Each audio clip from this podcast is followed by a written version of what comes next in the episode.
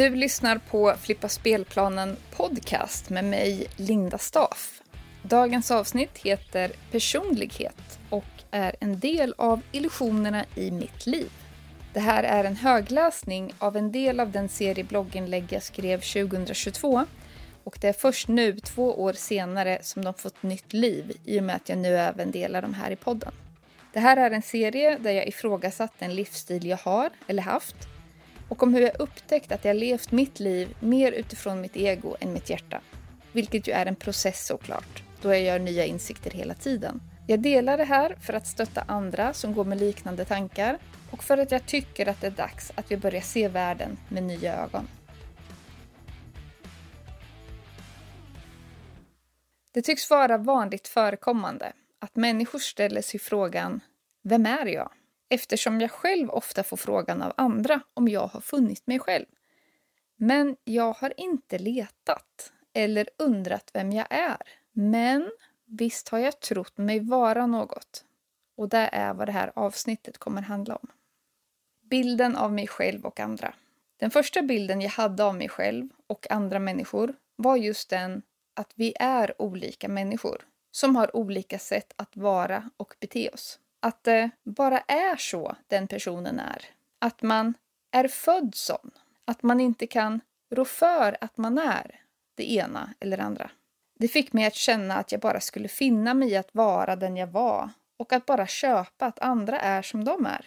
Vilket ju är ett rätt tråkigt synsätt som kan hämma utveckling och skapa en ursäkt för att inte förändra sig. Som barn fick jag ofta höra att jag var blyg och redan då funderade jag mycket på vad det egentligen betydde. Kände redan där och då att det är inte en etikett man bara kan sätta på någon. För bakom varje enskilt tillfälle fanns det ju en mängd andra tankar och känslor som spelade in för att någon skulle uppfatta mig som blyg. Själv kunde jag känna mig exempelvis rädd, återhållsam, ovillig att vara för personlig och privat, uttråkad, omotiverad, tyst ifrågasättande, ointresserad, likgiltig, rädd för att såra och ibland hämmad. Men det var aldrig på tal från omgivningen att ta reda på varför. Istället blev jag ofta stämplad som kort och gott blyg. Men tänk, så synd. Det fanns ju så mycket mer att utforska, så mycket mer att förstå hos en annan människa.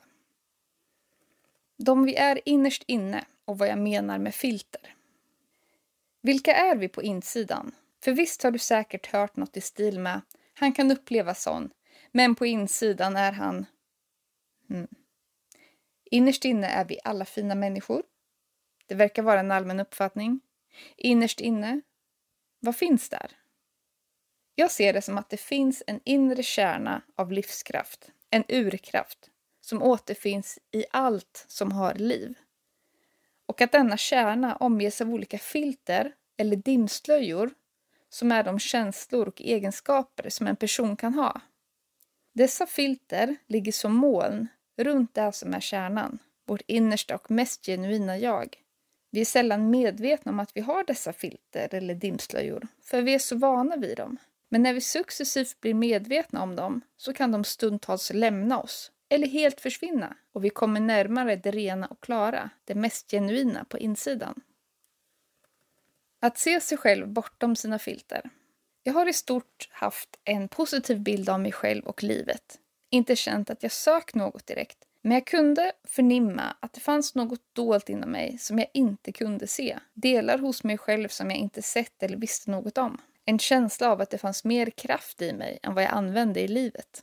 Jag var då helt obekant med det som kallas skuggor, eller skuggarbete. Men som av en slump kom jag att korsa väg med en tjej som heter Nathalie och som var helt dedikerad till detta. Skuggarbete. Så kallas det när man med olika metoder försöker belysa de sidor inom sig själv som man inte uppmärksammat än. De som man ännu inte sett eller upplevt. När man talar om skuggor och mörker har vi människor för vana att se det som något som skrämmer, något som vi inte vill belysa, något som ska gömmas undan. Men i själva verket handlar det ofta om allt det vi är, men inte insett. Eftersom vi växt upp i en värld som talat om för oss vad vi är och att vi har köpt det konceptet.